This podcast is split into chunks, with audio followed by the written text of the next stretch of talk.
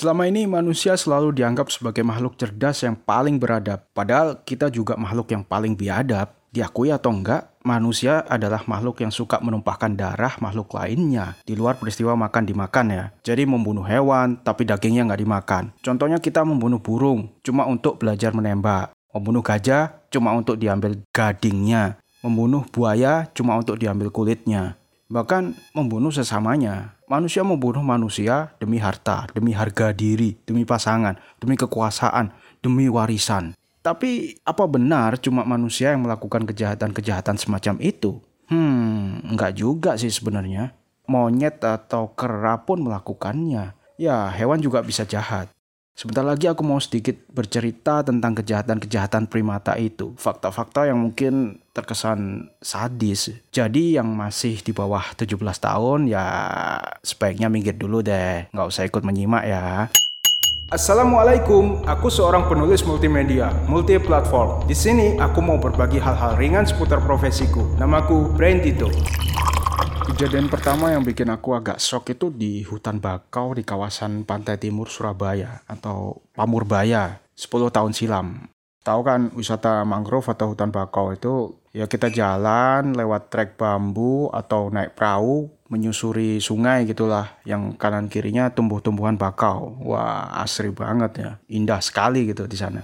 Nah, lagi enak-enak naik perahu itu, pemandunya cerita ke aku soal tragedi ini. Jadi 1 Januari 2010, Wali Kota Surabaya waktu itu Bambang Deha ya, meresmikan wisata mangrove Gunung Anyar. Sebagai tindak lanjutnya, Pemkot terencana menyumbang beberapa monyet untuk dilepas liarkan di Pamurbaya. Tapi karena beberapa pertimbangan, akhirnya nggak jadi maka monyet-monyet itu mau dibalikin ya. Nah sialnya ada seekor monyet yang lepas, terus kabur ke arah hutan. Udah, nggak pakai lama, cuma 4 jam gitu. Mayat monyet itu udah ditemukan oleh warga setempat dalam kondisi tergantung di atas pohon. Wajahnya hancur, kedua tangan dan kakinya putus, tubuhnya penuh luka cakar. Besar dugaan itu ulah monyet-monyet setempat yang nggak terima komunitas monyet itu kan kayak kerajaan ya, punya teritorial, punya pemimpin, punya prajurit, juga aturan-aturan. Monyet baru, apalagi kalau sendirian, tiba-tiba datang, ya bonyok lah.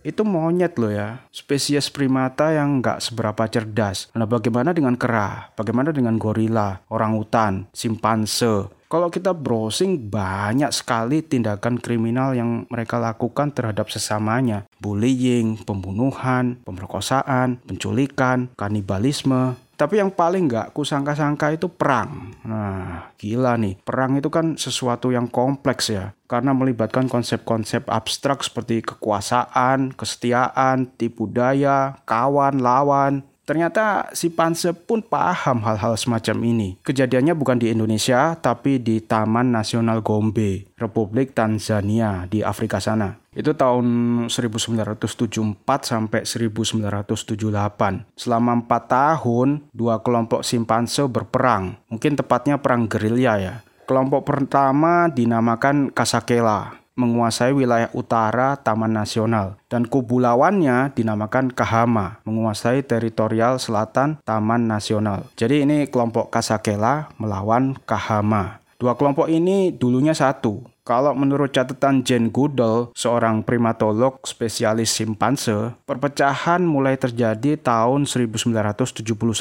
berawal dari kematian Leakey, seekor alpha male di sana. Nah, sepeninggal Leakey, Humphrey yang jadi penguasa baru. Tapi Charlie dan Hugh nggak serak dengan kepemimpinan Humphrey ini. Mereka membelot dan akhirnya membentuk kelompok simpanse lain. Humphrey adalah simpanse besar, agresif, kasar. Kalau kamu sering melempar-lempar batu, mungkin karena brutal itulah Charlie dan Hugh nggak suka sama Humphrey. Komunitas pun terbelah menjadi dua. Kelompok Kahama di selatan terdiri dari Hugh, Charlie, Goliath, dan tiga pejantan dewasa lainnya. Ditambah tiga betina dewasa dan anak mereka bernama Sniff. Kemudian di utara, kelompok Kasakela di bawah pimpinan Humphrey lebih banyak jumlahnya. Terdiri dari 12 betina dewasa plus anak-anak mereka dan 8 jantan dewasa termasuk Humphrey selaku pemimpin. Sejak 1972, anggota masing-masing kubu ini nggak pernah saling berhubungan lagi. Ibarat kata udah putus tali silaturahmi gitulah. Soalnya kalau sampai kedua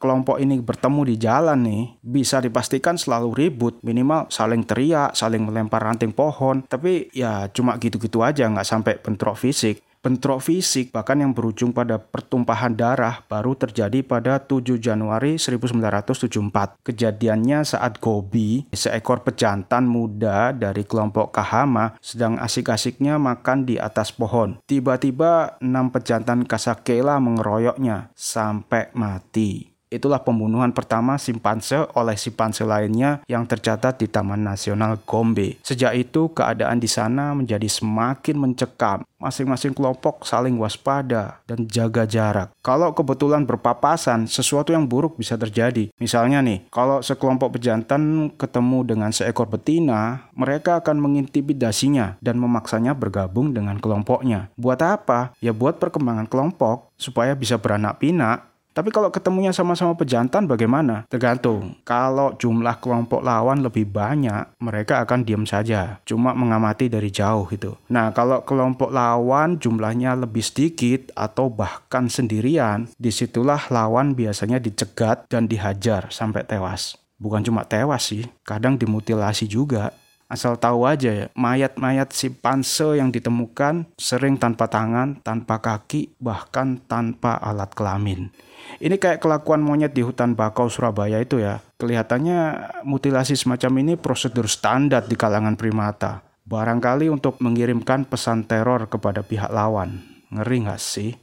Bukan hanya itu loh, dalam memoirnya yang berjudul Through a Window, My 30 Years with the Chimpanzee of Gombe, Jean Goodall menguraikan temuan-temuan lain yang membuatnya kecewa dengan binatang kesayangannya itu. Antara lain, seekor betina yang kedapatan menculik bayi dan memakannya. Ini kejadian tahun 1975. Kemudian Satan, ini nama salah satu simpanse ya. Satan ini pernah terpergok sedang menadahkan tangan di bawah dagu Sniff, lalu meminum darah yang bercucuran dari wajah Sniff. Hih. Terus si tua Rodolf yang melempar batu seberat 2 kg ke Godi. Ada juga Jomeo yang merobek kulit betis D. Vegan yang mengejar sambil terus memukuli Goliat. Padahal Goliat ini yang ngemong dia waktu kecil dulu. Macam-macam lagi lah temuannya. Nah setelah perang 4 tahun ini, kelompok Kasakela menang telak. Ini memang bukan perang yang seimbang sih. Kelompok Kasakela akhirnya berhasil membantai semua pejantan Kahama. Yang betina otomatis takluk juga. Seekor tewas, dua ekor hilang, tiga ekor dipukuli dan diculik. Humphrey akhirnya menguasai bekas wilayah Kahama. Tapi nggak lama, karena tempat itu ternyata berbatasan langsung dengan teritorial kelompok simpanse yang lain, Kalande. Nah, kelompok Kalande ini lebih banyak anggotanya. Jadi daripada babak belur, kelompok Kasakela akhirnya memilih meninggalkan hampir seluruh wilayah barunya.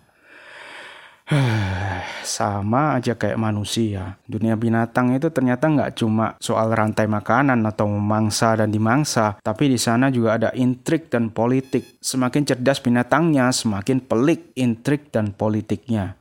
Apa sih tujuanku cerita-cerita kayak gini? Ya untuk berbagai pengetahuan dan ide aja. Kalau ada yang mau mengangkat ini jadi cerpen, novel, atau film ya silahkan aja mas bro. Selain itu juga untuk menunjukkan bahwa fakta terkadang lebih fantastis dari fiksi. Di situ aku menyebutnya faktastis.